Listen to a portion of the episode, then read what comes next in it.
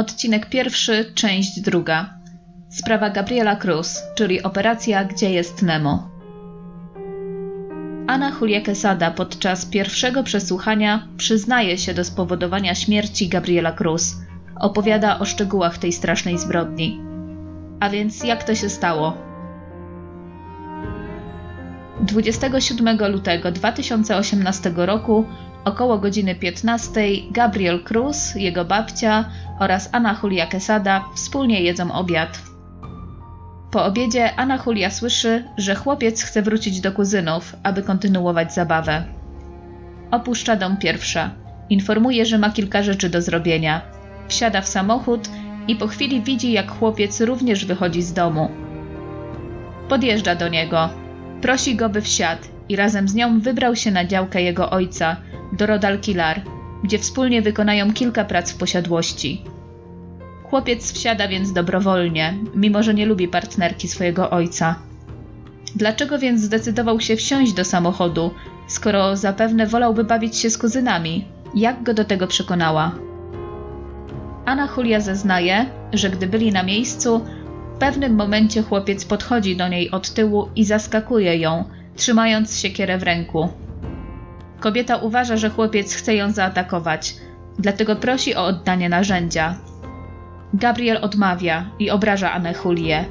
Mówi jej, że jest brzydka, że ma duży nos. Wykrzykuje jej w twarz, że chce, żeby ona zniknęła, a wtedy jego ojciec będzie mógł ożenić się z jego matką. Krzyczy, że nie kocha Anny Julii, żeby wracała już na Dominikanę. Dla 43-latki to jest za dużo. Nie może już tego słuchać, dlatego podchodzi do chłopca i zasłania mu dłonią twarz, żeby już nie słuchać tego, co wykrzykuje. Chłopiec ma jedynie 8 lat, a dorosła dłoń Anny Huli na jego małej twarzyczce zasłania również jego nos. Chłopiec przestaje oddychać. Jak twierdzi kobieta, nie chciała go skrzywdzić, chciała go tylko uciszyć. Następnie spędza kolejne trzy godziny na działce.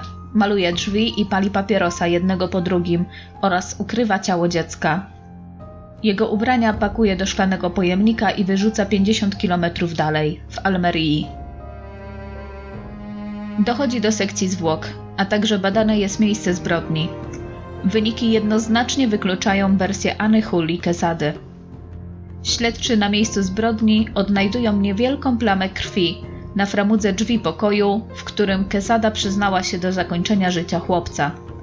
Należą one do Gabriela. Zbadano siekierę, o której mówiła oskarżona. Również na tym narzędziu znaleziono ślady krwi chłopca. Krew znajduje się też w jego bieliźnie oraz na odnalezionych później ubraniach. Dodatkowo sekcja zwłok ujawnia ranę na głowie chłopca, zadaną tępą stroną siekiery oraz ranę zadaną tym samym narzędziem na jego dłoni. Nie są to jednak rany śmiertelne. Według ekspertów kryminalistycznych śmierć chłopca wyglądała inaczej niż zeznaje Anna Julia. Kobieta najpierw uderzyła chłopca siekierą w głowę oraz w dłoń, a następnie zaczęła go dusić. Sekcja zwłok wykazuje, że chłopiec bardzo się bronił. Do końca stawiał opór, ale nie miał szans z dorosłą kobietą. Gdy przestał oddychać, Anna Julia Quesada zaczęła kopać dziurę w ziemi, przy basenie. W tym czasie chłopiec leżał na ziemi, jednak według patologów nie był jeszcze martwy. Przez kolejną godzinę leżał i konał, podczas gdy Anna Julia Quesada przygotowywała jego grób. Po około godzinie od pierwszego ciosu w głowę chłopiec zmarł. Przygotowana dziura w ziemi miała 60 cm długości, 40 cm szerokości oraz 10 cm głębokości. Kobieta rozebrała ciało chłopca i próbowała umieścić go w przygotowanej dziurze. Okazało się jednak, że przygotowany przez nią grób jest za mały. Połamała więc kończyny chłopca łopatą, co umożliwiło jej ukrycie ciała w tym miejscu. Następnie pokryła ciało chłopca ziemią, kamieniami oraz drewnianą paletą. Kolejne trzy godziny spędziła na działce. Spakowała ubrania chłopca do szklanego pojemnika i wyrzuciła je w mieszkalnej dzielnicy Almerii. Potem wróciła do domu babci Gabriela, aby wspólnie z jego rodzicami rozpocząć poszukiwania. Kobieta została skonfrontowana z wynikami dochodzenia, a jej teoria o nieumyślnym spowodowaniu śmierci runęła jak domek z kart. Sędzia puścił jej nagranie z podsłuchu, który miała umieszczony w samochodzie. Kobieta słyszy swoje przekleństwa, wypowiadane na głos podczas umieszczania ciała dziecka w bagażniku, oraz to, co mówiła zaraz przed samym zatrzymaniem.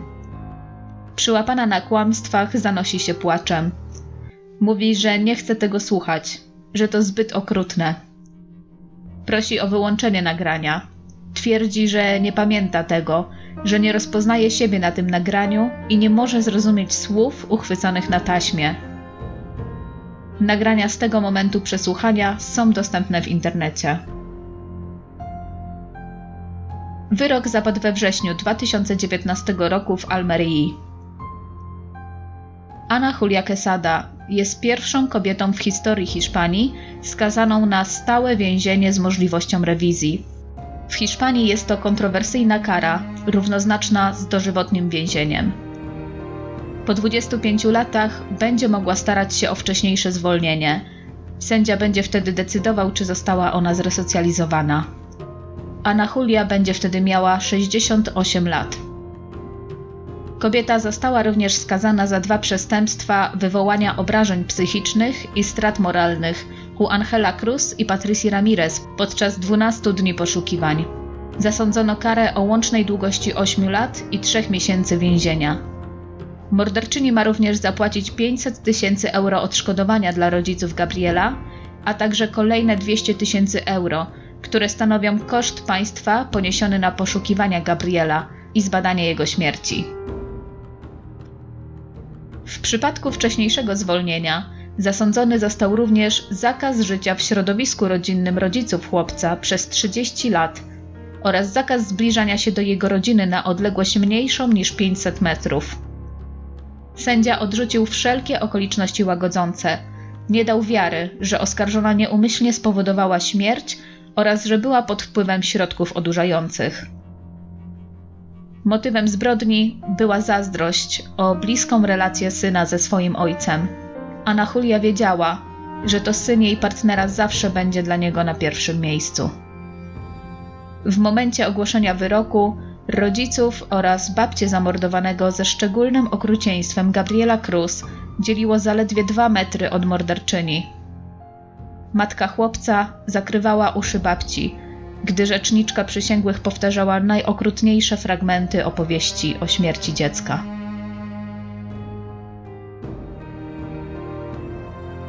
To jednak nie jest koniec historii Anny Huli Quesady.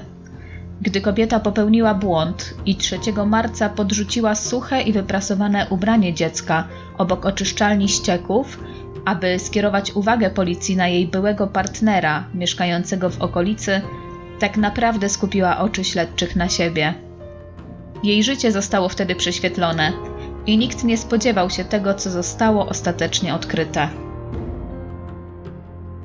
Ana Julia przybywa do Hiszpanii w wieku około 20 lub 21 lat i osiedla się w Burgos. Na Dominikanie pod opieką rodziny pozostawia swoją córkę, którą urodziła mając 17 lat. Kobieta rozpoczyna pracę w klubie El Piccolo i zostaje prostytutką. Tam poznaje i wkrótce związuje się z mężczyzną, który nazywa się Miguel Angel.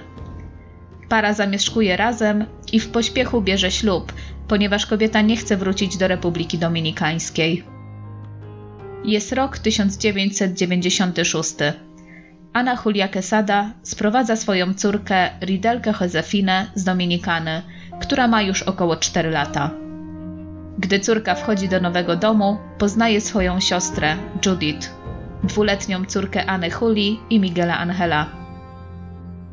Mężczyzna traktuje obie dziewczynki na równi. Chce stworzyć kochającą się rodzinę i wkrótce po przyjeździe Ridelki Josefiny rozpoczyna się proces adopcyjny.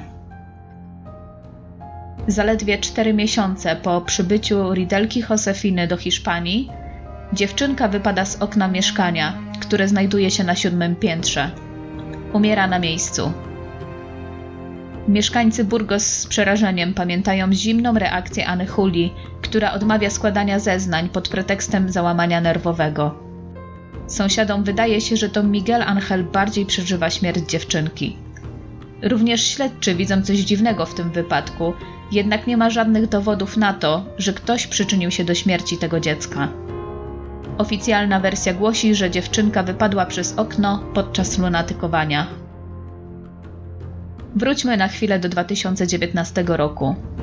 Po skazaniu Anny Huli Quesady za zamordowanie Gabriela Cruz ruszyło ponowne śledztwo w sprawie śmierci jej pierwszej córki. Okazuje się bowiem, że są przesłanki, by twierdzić, że dziecko zostało wypchnięte z okna, ponieważ jej ciało leżało aż 3 metry od ściany budynku. Stwierdzono też, że okno, z którego wypadła, mieściło się za wysoko i nie było w zasięgu czteroletniego dziecka. Jak dalej potoczyła się historia Anny Huli Quesady?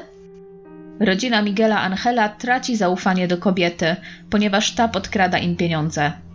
Relacje w małżeństwie są coraz gorsze. Po jakimś czasie kobieta składa skargę na policję, że mąż źle ją traktuje i wkrótce rozwodzą się. Quesada zabiera ze sobą Judith, ich wspólną córkę, ponieważ jest zainteresowana pieniędzmi, jakie ojciec musi płacić na dziecko.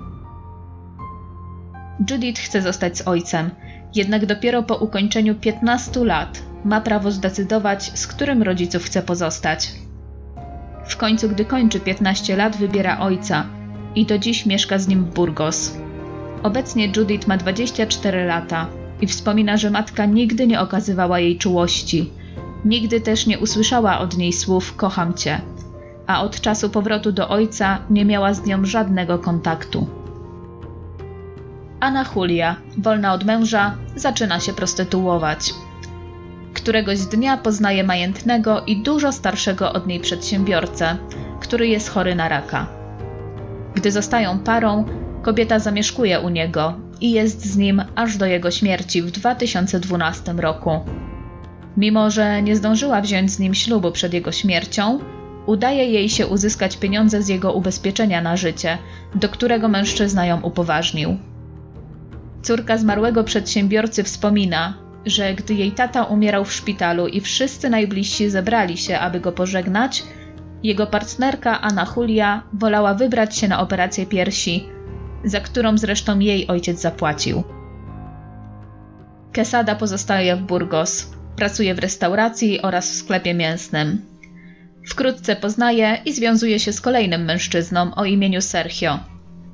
W 2014 roku przeprowadza się wraz z nim do miejscowości Las Negras, oddalonej 2,5 km od Las Ortichuelas. Sergio zakłada tam swoją grupę muzyczną, a ona otwiera kawiarnię o nazwie Black. Pewnego dnia, gdy Anna Julia zajmuje się swoim małym biznesem, pojawia się klient, którego wcześniej nie widziała. To był Angel Cruz, ojciec bestialsko zamordowanego przez nią chłopca Gabriela Cruz, El Pescaito. To koniec części drugiej. W kolejnym, trzecim już odcinku przybliżę Wam inną historię. Ponieważ od niespełna dwóch lat mieszkam w Hiszpanii, na razie będę opowiadać o sprawach, które zdarzyły się w tym kraju. Jest to dla mnie okazja do nauki języka, a sprawy polskie omawiane są obecnie w bardzo ciekawy sposób przez kilka innych podcastów, którymi zresztą się zainspirowałam. Jeżeli ktoś ma jakieś uwagi lub pytania, proszę pisać na archiwumkryminalne.podcast@gmail.com. Jeżeli chcielibyście zobaczyć zdjęcia z tej sprawy oraz przejrzeć źródła, z których korzystałam, zapraszam na fanpage na Facebooku pod tytułem Archiwum Kryminalne. Dziękuję za uwagę i do usłyszenia.